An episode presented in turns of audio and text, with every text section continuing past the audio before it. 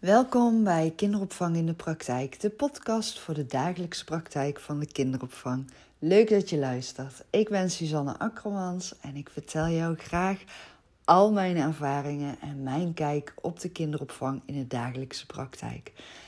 Uh, ik heb uh, eh, 22 jaar een eigen kinderdagverblijf mogen hebben, waar ik op mijn 23ste mee ben gestart. En sinds vorig jaar heb ik mijn kinderdagverblijf verkocht en ben ik mezelf gaan richten op de landelijke kinderopvang. En uh, in de landelijke kinderopvang doe ik coachen en adviseren. En dat doe ik zowel online als offline.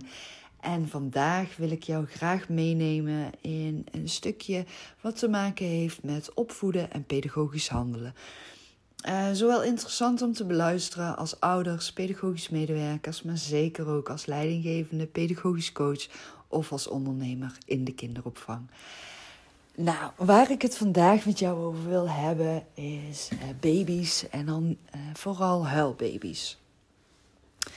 Um, een tijdje terug sprak ik ook weer iemand en die vertelde tegen mij dat uh, hun kindje, hun babytje, alleen maar heeft gehuild de eerste maanden.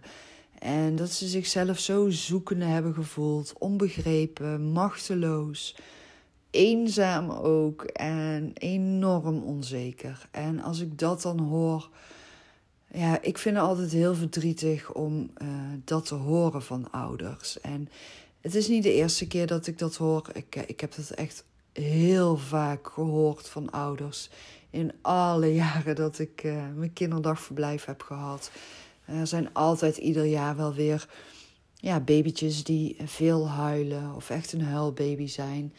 En ehm, ja, mijn hart breekt dan altijd. En ik zei ook altijd: geef mij maar een huilbaby. Um, ik zorg er gewoon voor dat het kindje rustig wordt.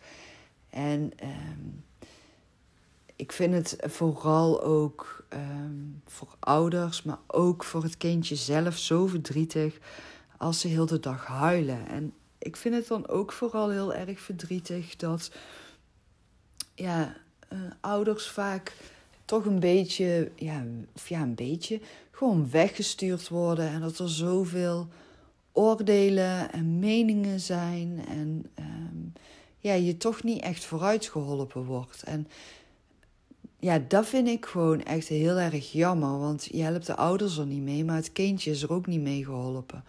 En ik kan me ook zeker wel voorstellen dat het soms ook heel lastig is in de kinderopvang als je dus een huilbaby in de groep hebt. Um, het is ook voor die ouders heel lastig om een huilbaby weg te brengen. Terwijl ze aan de ene kant ook, ze voelen zich enorm schuldig dat ze hun babytje wegbrengen en zelf niet ervoor kunnen zorgen uh, dat hun babytje rust vindt en tevreden gaat zijn. En nou ja, tegelijkertijd hebben ze dan ook te maken met oververmoeidheid. En nou ja, dat het gewoon fijn is om je kindje gewoon weg te kunnen brengen. Dat je even niet midden in dat huilen zit. En even je handen vrij hebt. Maar ja, het is wel je kindje. Dus je voelt jezelf ook enorm machteloos. En wat ik altijd heel erg belangrijk heb gevonden in de kinderopvang is dat daar ook echt aandacht voor is. En een luisterend oor voor die ouders is. En zeker ook dat je begrip hebt voor die ouders. En ehm, daarnaast vind ik dan het enorm belangrijk om met.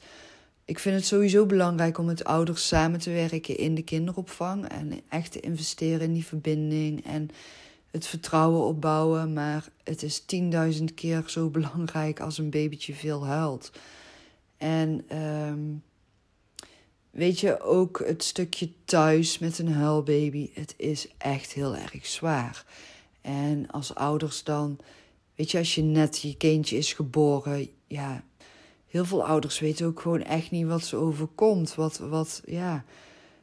Ik heb ook echt vaak genoeg verhalen gehoord en in mijn eigen omgeving gezien, maar ook door het kinderdagverblijf de ouders echt zoiets hadden van, ja, ik weet, ik ben echt zo zoekende, ik voel me zo onzeker, ik vind het zo moeilijk en ja, hoe ga je hier nou mee om en wanneer doe je het nou goed en wanneer moeten ze nou meer eten en hoe zit het met die borstvoeding of hoe zit het met die flesvoeding en met het slapen en waar is de handboek en weet je, al die dingen. En uh, vaak is het echt die eerste drie maanden één grote zoektocht voor ouders. En als ze dan ook nog een huilbaby hebben, ja, dat kan echt wel ouders enorm onzeker maken, maar ook echt afbreken. En weet je, dan moeten ze weer gaan werken. Maar in die drie maanden tijd met die huilbaby hebben ze gewoon nul rust gehad. En weet je, dat vind ik zo jammer. En dat, dat je dan ook hoort van ouders van ik heb gewoon helemaal niet eens kunnen genieten. En soms is er ook echt een heel stuk van schaamte. Van ja, ik zal het wel niet goed doen en daardoor huilt mijn baby. Terwijl, ja, als, als ik zulke dingen hoorde op het kinderdagverblijf en ehm, ik probeerde ook altijd wel, uh, voordat een kindje naar de opvang kwam, al een keer een, mailtje te sturen en contact te zoeken met nieuwe ouders. Van goh, hoe gaat de kraamtijd en uh, hoe verloopt het tot nu toe? Maar dan krijg je niet altijd uh, een eerlijk antwoord op. En het is ook wel echt, vind ik, de kunst hoe je dat aanvliegt. Um, de manier van hoe je dan ook contact zoekt en wat je dan ook zegt of vraagt. Dat is heel belangrijk. En het is ook heel begrijpelijk dat mensen via de mail, als ze je nog helemaal niet goed kennen, ook nog niet openlijk willen gaan toegeven van nou, ik vind het gewoon verschrikkelijk en ik ben echt helemaal kapot en ik heb een huilbaby en ik zit met mijn handen in het haar. En vaak denken ouders er ook nog niet direct aan om als eerste bij het kinderdagverblijf dan hulp of advies te gaan vragen. Maar ik vond het altijd wel heel erg belangrijk om daar in een intakegesprek heel veel aandacht aan te besteden. Uh, dat heb je ook kunnen horen als je mijn podcast over uh, succesvolle intake hebt geluisterd.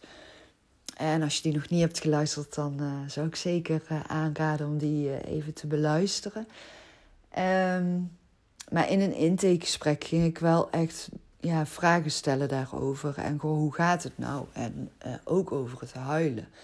En als ik dan dus hoorde dat ouders echt al drie maanden zo aan het zoeken waren en zichzelf zo machteloos voelden en onzeker en nou, al die gevoelens hadden, dan eh, ging ik echt wel vragen stellen van, goh, hoe is de zwangerschap verlopen? Zijn er bijzonderheden geweest in de zwangerschap? Heb je stress ervaren in de zwangerschap? Ben je ziek geweest in de zwangerschap?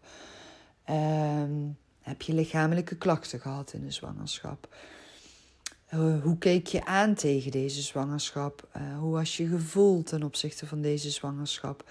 Uh, was het eerste of tweede kindje? Nou, vaak wist ik dat dan al, maar ook dat was van belang om te weten. En dan de bevalling. Hoe is de bevalling gegaan? Was het een voorspoedige bevalling? Ben je ingeleid? Was het een keizersnede? Um, was het een natuurlijke bevalling? Was het een stuitligging? Um, is je kindje gedraaid? Uh, was het een lange bevalling? Was het een zware bevalling? Um, alles wat belangrijk is om te weten over de geboorte van het kindje, daar ging ik ook vragen over stellen in de intake. En zeker als ik hoorde van ouders dat hun kindje heel veel huilde. En wat ik dan ook altijd een hele belangrijke vraag was, vond, was: wat is voor jou heel veel huilen? Want als een ouder tegen mij zegt: Ik vind dat mijn baby zoveel huilt, ik heb een huilbaby, dan is voor mij vaak ook een van de vragen die ik stel: hoeveel uur huilt je baby dan? Uh, want het is natuurlijk ook heel verschillend in hoe je dat als persoon ervaart. En hoe huilt je baby dan? Wat voor huiltje is het? Uh, want daar zit ook heel veel verschil in. En um, soms is het bijvoorbeeld ook uh, dat een ouder um, zo heeft uitgekeken naar de geboorte van het kindje. Uh, zo enorm blij was ook dat het kindje geboren was. En dat het dan soort van tegenvalt. Uh, anders verloopt dan verwacht. kindje huilt veel. Um, en bijvoorbeeld de voeding loopt niet goed. Of een ouder wil borstvoeding geven en die komt niet op gang. En dan moeten ze overstappen op de flesvoeding. En dat kan voor sommige ouders ook echt een enorme teleurstelling zijn. Wat ik ook begrijp. En andere ouders zijn juist heel opgelucht en heel nuchter daarover. Maar daar zitten heel veel verschillen in ook. En als je dan als ouder zijnde jezelf onzeker voelt en je weet het niet goed en misschien wil je wel per se borstvoeding blijven geven als ouder zijnde en krijgt je kindje gewoon te weinig voeding binnen. Maar heb jij dat niet in de gaten, want je kindje blijft nog wel gewoon groeien. Op het consultatiebureau zien ze geen bijzonderheden en zien ze gewoon de groeicurve goed. En uh, ja, word je eigenlijk vooral naar huis gestuurd met, uh, ja, weet je, huilen hoort er ook bij. En probeer ook je kindje te laten huilen en uh, probeer wat duidelijker te zijn. En nou, weet je, zulke dingen. Of hè, ga de voeding wat meer opbouwen. En wat mij ook enorm is opgevallen, is dat uh, ouders met, die voor de eerste keer ouder worden, met een uh, babytje vaak ook wachten tot het bezoek van het consultatiebureau, voordat ze dan weer uh, de voeding gaan ophogen of de voedingstijden gaan veranderen. Of... Terwijl daar kan al, ik zeg heel bewust kan, daar kan al een oorzaak in zitten waardoor een babytje gaat huilen. En sowieso in de voeding kan, kan hè, echt specifiek kan, kan echt een reden in zitten waardoor een baby gaat huilen. Um, soms kan er sprake zijn van verborgen reflux. Er kan sprake zijn van een koemelkallergie. Er kan, ja, weet je, er kan sprake zijn van allerlei verschillende allergieën. Die door de, waar dus het kindje op de voeding reageert. Uh, een kindje kan ook reflux hebben. Ehm, maar een kindje kan ook bijvoorbeeld, als hij in een stuitligging heeft gelegen, een blokkade in zijn nekje hebben. En als ze een blokkade in zijn nekje hebben, kunnen ze vaak ook daarop reageren door slechter te drinken. En uh, er zijn ook kinderen die kunnen de fles niet goed pakken. Uh, en dat kan dan ook weer te maken hebben met de ontwikkeling van de mondspieren. Maar het kan ook te maken hebben met het mondje zelf of de huig, eh, slikreflex. Uh, er kan echt duizend en één dingen aan de hand zijn. En ik zeg nogmaals heel specifiek kan. Het hoeft niet. Maar ik vind het altijd heel erg belangrijk in de kinderopvang om daar ook samen met ouders in mee te gaan kijken en een luisterend oor in te zijn en te gaan kijken van oké, als jij ook die ruimte biedt binnen de kinderopvang aan het wennen van de ouder met het kindje, dan zie jij ook hoe die ouder reageert met haar lichaamstaal op haar eigen kindje, op haar eigen baby, als die begint te huilen. En vanuit de lichaamstaal van een ouder kun je ook weer heel veel aflezen. Uh, en dus zien wat voor effect dat op het kindje heeft. En hoe reageren moeder en kind op elkaar? Dat vind ik ook altijd magisch interessant om te observeren en naar te kijken tijdens het wennen. Maar ook deed ik dat tijdens een intakegesprek. Uh, want daar haal jij zoveel antwoorden uit. En als ik bijvoorbeeld zag dat een moeder heel onzeker en gespannen was, dan ging ik daarover ook in gesprek. En dan niet op een verwijtende manier en niet op een manier dat die ouder het gevoel kreeg van: oh zie het ligt allemaal aan mij en het is mijn fout. Want dat wilde ik absoluut niet bereiken. Ik wilde juist die, die moeder vooruit helpen. En ik wilde juist die baby vooruit helpen en ervoor zorgen en eraan bijdragen dat die baby tevreden gaat zijn en niet meer continu huilt heel de dag door. Dat was mijn doel, dat was mijn insteek. Dus dat is ook echt iets waar je dan heel um, ja, voorzichtig, maar wel heel open en eerlijk mee om moet kunnen gaan. En in mijn beleving kan je daar alleen maar mee omgaan als je echt investeert in het elkaar leren kennen, die vertrouwensband opbouwen. En als je dan ziet dat een ouder um, van alles aan het proberen is om haar kindje te troosten, dan weet je, ik weet dan, oké, probeer één handeling uit. Probeer niet te veel je kindje dan weer op zijn buik op je arm leggen. Dan weer op zijn rug in je armen leggen. Dan weer tegen je schouder omhoog halen. Probeer uh, iets wat langer uh, uit te proberen. Ook een bepaalde handeling om te ontdekken van oké, wat vindt dit kindje fijn? En hoe help ik mijn eigen kindje, maar ook deze baby in, in de kinderopvang? Welke manier van vasthouden heeft dan het meeste effect? En vaak is het zo als ouder zijnde dat als iets niet, niet werkt en je krijgt het niet opgelost en een baby blijft maar huilen, dan ga je alles door elkaar proberen. En dan weet je uiteindelijk ook niet meer wat is nou het juiste. En um, wat ik wel als tip wil meegeven, en ik vind het ook best wel lastig om via een podcast hier echt uh, gericht tips mee te geven over wat je kan en moet doen met een huilbaby. Ik kan die zeker wel gaan delen en ik zal er zo meteen ook wel een paar delen. Maar ik vind het altijd heel erg belangrijk om eerst even vooronderzoek te doen. Want uh, die zwangerschap, uh, die geboorte, uh, de voeding, het slapen, het gevoel van de ouders, ehm, lich, ja, lichamelijk, het, het babytje, totaliteit, lichamelijk.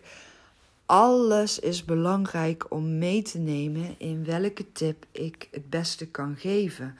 En ik ben sowieso echt een groot fan van een osteopaat. Zeker voor kleine babytjes. Uh, ik heb echt in al die jaren enorm veel uh, positieve resultaten mogen ervaren met osteopathie bij baby's.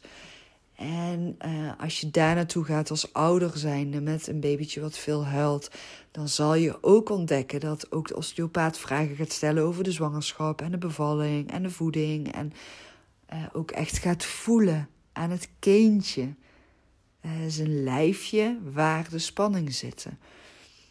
En um, ja, babymassage vind ik ook echt magisch werken voor babytjes. Maar er zijn ook babytjes die het niet fijn vinden. En ook dan heb ik weer zoiets van: oké, waar komt dat vandaan? Dus ik ben echt iemand die heel erg gaat zoeken en vragen gaat stellen en gaat kijken van oké, wat is hier nou precies specifiek aan de hand? Uh, wat is de reden dat deze baby zo erg aan het huilen is? En vanuit het zoeken naar het antwoord, de oorzaak misschien ook wel, uh, vanuit die insteek oplossingen gaan proberen te vinden. En het kindje en de ouders, allebei de ouders, vooruit gaan helpen. Want wat er op een gegeven moment echt gaat gebeuren als er geen hulp is bij een huilbaby, ouders raken echt oververmoeid, geïrriteerd, gespannen het is gewoon echt een aanslag op je leven. En aan het begin van de podcast zei ik uh, uh, van geef mij maar een huilbaby. En daarmee bedoel ik echt, um, als ik uh, een huilbabytje zie en in mijn armen krijg, dan ga ik daar duizend procent mijn energie op zetten. En tot nu toe, in al die jaren, heb ik nog nooit ervaren dat het mij niet is gelukt om de oorzaak te vinden en het ook op te weten te lossen. Maar het is wel altijd een zoektocht geweest. En het is niet zomaar knippen, plakken en het is klaar en het is opgelost. Maar um, ik vind het vooral ook heel erg belangrijk dat ouders. Um, gewoon kunnen genieten van hun kindje. En ik heb zo vaak meegemaakt dat ouders ook tegen mij hebben gezegd van... Oh, ik voel me zo verdrietig dat ik die eerste drie, vier maanden... Ja, gewoon niet van mijn kindje heb kunnen genieten. En uh, dat hij zoveel heeft gehuild. En dan denk ik, oh... Dat is gewoon, ja... Dat gun je niemand. Dat, dat, tenminste, ik gunde echt niemand. Ik wil gewoon...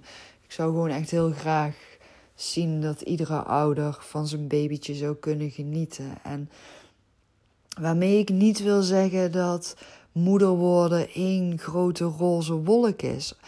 Uh, want het, ik geloof ook echt oprecht dat het heel vaak veel mooier gemaakt wordt dan dat het is. Het is echt niet, oh lief schattig babytje en die drinkt en die slaapt. En soms ook wel, hè. Er zijn ook echt baby's waar er wel bij is. Ik heb het met mijn oudste ook meegemaakt. Het was ook gewoon echt een lief schattig babytje en die sliep en die dronk. En dat uh, deed ze tot volgens mij ongeveer negen maanden. En toen begon bij haar de slapeloze nachten en, en slecht eten en nou, van alles. Dat ik ook dacht van, hè, wat is dit nou? Het ging toch allemaal zo lekker en zo goed. En ja, dan donder je ook even van die roze wolk af. En dan sta je ook weer even met beide benen op de grond. En dan realiseer je ook, weet je, het echte leven is niet 365 dagen een roze wolk. Dat is niet het leven. Maar als jij net ouder bent geworden en uh, je hebt een babytje wat alleen maar huilt. Ja, weet je, dan heb je hier ook geen zak aan. Want dan denk je alleen maar, ja, vertel mij gewoon even hoe ik ervoor kan zorgen dat mijn baby niet meer huilt. Want ik word echt gek. En nou, een van mijn tips hierin is: spreek het echt uit. En desnoods ga je naar de huisarts, consultatiebureau, psycholoog, coach, ehm, osteopaat, homeopaat, kinderopvang. Weet je, mijn advies is: klamp iedereen aan die, die professioneel werkzaam is met baby's. En spreek ook echt heel duidelijk uit: mijn baby huilt zoveel uur per dag. Dus zeg niet: mijn baby huilt heel de dag. Um, want dan krijg je dus heel vaak de vraag terug van ja, baby's huilen nou eenmaal of hoeveel uur huilt hij dan? En uh, je kan ook weggestuurd worden als je zegt na drie weken of vier weken mijn baby huilt alleen maar heel de dag. En um, zorg er dan voor dat je nou, bewijzen van, misschien is dat ook wel een goede tip, een soort van dagboek bijhoudt. En al noteer je maar gewoon in je eigen telefoon tijden en hoe lang je kindje huilt. Dan krijg je ook steeds meer inzicht. Een heel goed zinvol boek is Prikkelproefplan. Uh, even kijken, kan ik die? Die zal ik wel even delen, ook op mijn social media. Um, dat is echt een boek dat is geschreven. Ik weet even niet de naam. Ik heb het boek zo ook niet bij de hand liggen. Nathalie. Nou, ik twijfel. Ik ga geen naam noemen, want straks zeg ik de verkeerde naam. Maar het boek Prikkelproefplan, ik vind het echt een super waardevol boek. Uh, even uit mijn hoofd. Het is geschreven door een um, verpleegkundige die in het ziekenhuis met pasgeboren baby's heeft gewerkt. En zij werkt echt met hele duidelijke overzichten, lijsten en ook heel veel waardevolle tips. En er zit ook een. Um, als je het boek koopt, kun je ook weer een, uh, een schema downloaden. Uh, zodat je dus ook echt voor jezelf kan gaan bijhouden. Wat ik net ook zei, hè, van noteer in je telefoon. Zij heeft daar een heel praktisch schema voor, ook wat je dan kan downloaden. Dus echt, weet je, bestel het gewoon meteen even. Dan heb je het morgen in huis als je dus thuis een, een huilbaby hebt. Maar ook als je dus met huilbaby's of baby's die veel huilen in het kinderdagverblijf te maken hebt. Dan is dit boek ook echt super waardevol om mee te gaan werken. Gebruik het ook echt in, in babygroepen. Want je kunt er echt ouders mee helpen, maar ook jezelf als pedagogisch medewerker. Dus als jij nou als pedagogisch coach of nou, welke functie je ook luistert, neem deze tip ook echt mee. Echt een aanrader, dat boek. En dan is het dus belangrijk dat je voor jezelf gaat ontdekken: oké, hoe is de zwangerschap verlopen? Zijn er bijzonderheden geweest? Ben ik ziek geweest? Probeer dat inzichtelijk te maken. Hoe is de bevalling gegaan? Probeer ook dat inzichtelijk te maken. Uh, ook nog een aanrader om dan te luisteren is de podcast van Sonja Zwart. Als je haar gewoon even uh, opzoekt uh, bij de podcastafleveringen uh, op jouw favoriete kanaal. Zij heeft één uh, podcast uh, ook uh, gepubliceerd over um, ja, de geboorte en wat dat met kinderen doet en met de ontwikkeling doet. Echt ook een aanrader, super interessant om te luisteren.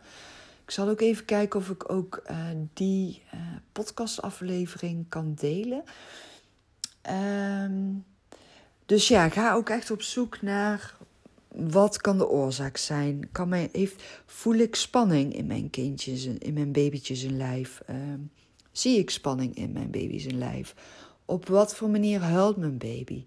Uh, wat voor um, ja, huiltje is het? Is het een huiltje van pijn? Is het een huiltje van honger? Is het een huiltje van vermoeidheid?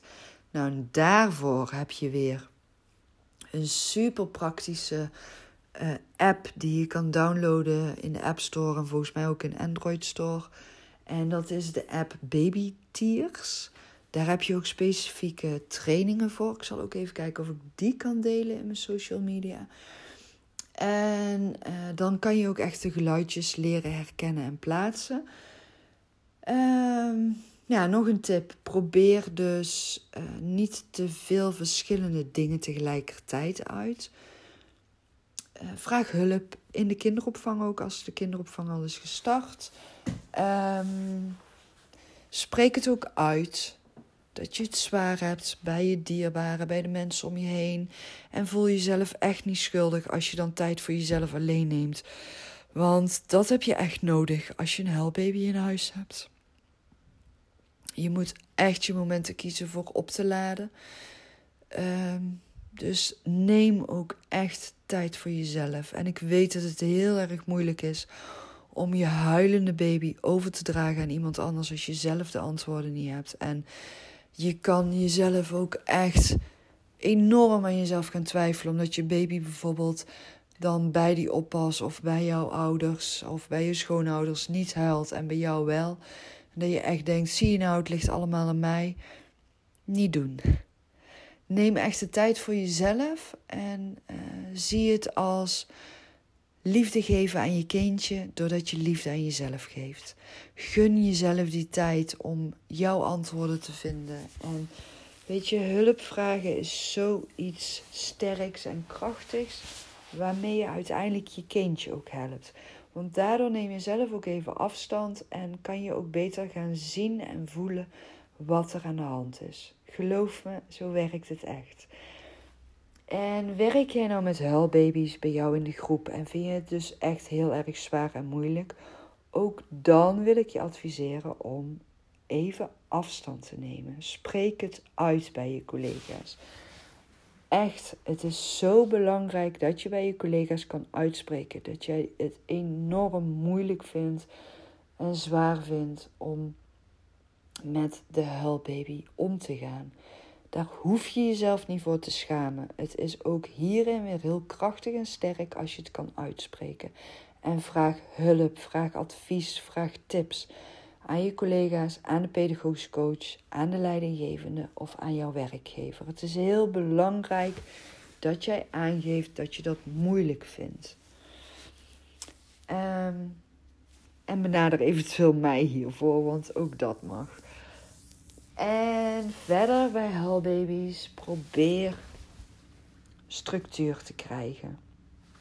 Probeer te ontdekken uh, wat het ritme van je kindje is. En ik zeg altijd: uh, ja, ik ben echt iemand van rust, regelmaat en reinheid. Maar ik pas die toe op het ritme van het kindje zelf. En dan zal ik even aan jou uitleggen. Wat ik altijd doe en heb gedaan is bijvoorbeeld een babytje wordt om half zes morgens wakker. Die drinkt zijn fles. Babytje is uh, drie maanden en drinkt 180 milliliter. Ik ga even uit van flesvoeding. Dat is gewoon het makkelijkste nu om uit te leggen. Maar dit is ook toe te passen met borstvoeding. Uh, dus het kindje heeft de voeding gehad, is om half zes wakker geworden, heeft goed gedronken dan hanteer ik altijd anderhalf uur wakker zijn. En die anderhalf uur die gaat in vanaf half zes het kindje wakker wordt tot en met zeven uur.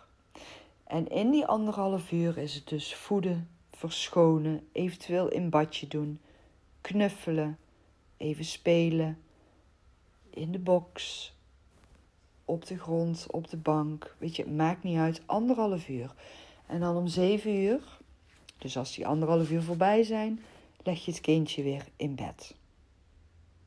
En als je dat consequent toepast, dan ga je een ritme inbouwen. Maar het is ook het natuurlijke ritme van een baby.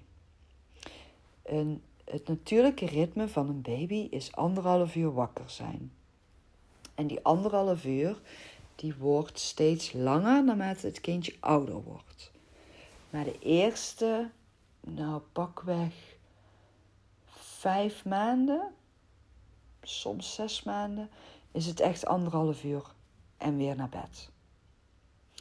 En dat bedoel ik met rust, regelmaat en reinheid. En uh, dat bedoel ik ook met hanteren van het eigen ritme van het kindje. Van mij hoef jij niet 7, 11, 3, 7, 11 vast te houden voor de voedingstijden. Dat kan ook half zes zijn en dan uh, vier uur later zijn. Of drie uur later zijn. Ligt ook weer aan de hoeveelheid dat ze drinken.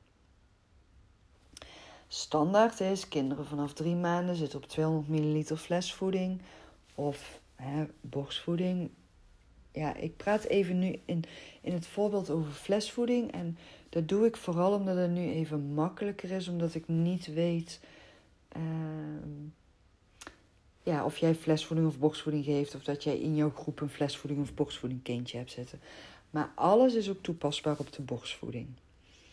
Uh, het is wel vaak zo bij borstvoeding kun je niet controleren hoeveel een kindje binnenkrijgt. Dus is het vaak lastiger om te beoordelen van oké, moet het kindje extra gevoed worden of niet. En dan is het dus weer heel erg belangrijk dat jij um, ja, het huil, uh, de, uh, de, de geluidjes van het kindje herkent. Dus dat jij gaat horen: oké, dit is een huiltje van honger, dit is een huiltje van slaap, dit is een huiltje van pijn. Dit is een huiltje van verveling, dit is een huiltje van aandacht. Dat is heel belangrijk en zeker bij borstvoedingkindjes is dat heel belangrijk om die signalen te leren herkennen. Um, ja, en ik had het dus over die voedingstijden. Ik ben dus echt van die rust, regelmaat en reinheid. Maar echt afgepast dus op het eigen ritme van het kindje. En dan is het dus gebruikelijk dat een kindje vanaf drie maanden op die 200 milliliter voeding zit en om de vier uur voeden. Vijf voedingen om de vier uur. Dus 7, 11, 7, 11 3, 7, 11. Dus dan kom je uit op vijf voedingen. Maar stel nou, jouw kindje wordt altijd om half zes wakker. Dan ga je gewoon vanaf half zes, vier uur verder tellen.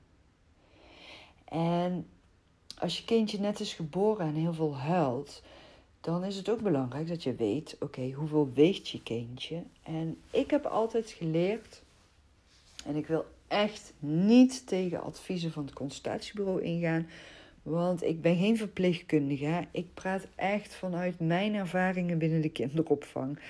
Dus ik ga ook niet zeggen dat uh, consultatiebureau verkeerde adviezen of zo geeft. Of uh, het voedingscentrum. Of... Nee, absoluut niet. Maar wat ik altijd heb geleerd en wat bij mij in al die jaren bij alle baby's waar, ja, die ik heb mogen opvangen en die ik uh, heb mogen ontmoeten in mijn leven altijd heeft gewerkt, is kijken naar hoeveel weegt een kindje en wat heeft hij dan nodig aan de voeding. En hoeveel voeding. En uh, soms is het ook hè, dat je gaat troost voeden. Ook dat heb ik bij mijn eigen kinderen gedaan. En ook dat uh, vind ik soms ook echt een oplossing. En soms is een fopspeen echt een oplossing. En soms is uh, het kindje echt tegen je aan laten slapen, de oplossing. Want um, ik heb bijvoorbeeld ook al heel vaak uh, gezien en gehoord dat um, ja, kinderen gewoon niet in hun eigen bedje willen slapen. En ja, dat ouders er dan ook voor kiezen in een draagzak. En weet je, ik weet binnen de kinderopvang is daar verre van ideaal. Echt verre van. Maar uh, dan zou ik ook gaan kijken van oké, een kindje heeft die nabijheid en die veiligheid van die ouder nodig. En hoe kun je dat dan op een andere manier gaan bereiken? Samen met de ouders. Neem ouders daarin ook mee. En ga ook niet zeggen van je mag je kindje niet meer in een draagzak doen, want daar kunnen wij niks mee. Weet je, een ouder kan daar ook niks mee als je zo gaat reageren. Dus uh, ga samen ook zoeken naar die oplossingen. En ga niet tegen ouders zeggen: je mag dit, dit of dit niet meer doen. Nee, ga samen kijken van hoe kan ik die ouder vooruit helpen. En hoe kan die ouder ook mij weer vooruit helpen. En hoe kunnen we er samen voor zorgen dat het goed gaat met het kindje. Nou, dit was echt een hele uitgebreide, lange podcast geworden. Um, ja, als ik het eenmaal over baby's ga hebben, dan ga ik ook helemaal los. En dat is ook wel echt. Ehm, ja, ik hou gewoon van baby's. En het maakt me echt niet uit of ze heel de dag huilen. Of dat ze heel tevreden zijn. Ik vind baby's altijd geweldig. En ja, ik vind het gewoon heerlijk ook als ik een baby rustig kan krijgen en kan troosten. En ja, op een of andere manier gaat me dat ook altijd moeiteloos af. En ik voel me ook onwijs dankbaar dat ik daar zoveel ervaring in heb mogen opdoen. Zodat ik het nu ook aan jou kan delen en mee kan geven. Dus nou, ik, ik hoop gewoon dat ik je echt heel veel uh, waarde heb kunnen meegeven met deze podcast. Ik ga eventjes um, al mijn tips ook uh, verzamelen en voor jou ook publiceren op mijn social media. Uh, zodat je ze ook makkelijk kan terugvinden. En mocht je nou helemaal vastlopen met een huilbaby in de kinderopvang of misschien wel thuis. Ja, weet je, het is niet. Uh, thuis is niet hetgene waar ik mij het meest op richt op dit moment. Maar weet dat ik je ook graag hierin wil helpen. En uh, binnen de kinderopvang kan ik zeker heel veel betekenis daarin geven. Dus ja, mocht je daarin vastlopen, weet dat je mij daarvoor kan benaderen. Uh, super bedankt weer voor het luisteren. Uh, ik wens je een super fijne dag. En ik zou het heel tof vinden als jij mijn podcast wilt delen. Zodat alle ouders met uh, baby's die veel huilen of in de kinderopvang. pedagogisch medewerkers die te maken hebben met huilbaby's in de groep ook deze podcastaflevering kunnen gaan beluisteren. En uh, ja, horen dat ik deze ook voor hun heb gemaakt. Om ook hun vooruit te helpen. En um, ja, op mijn website kun je ook nog heel veel informatie over mij vinden. En als je even naar uh, mijn uh, uitleg van mijn podcastafleveringen gaat, dan zie je ook alle gegevens van mijn website terug. Www.gewoonsuzanne.com Dankjewel voor het luisteren. Ik wens je een hele fijne dag. En vooral wens ik jou uh, heel veel rust en tevredenheid met al die lieve babytjes. Dankjewel.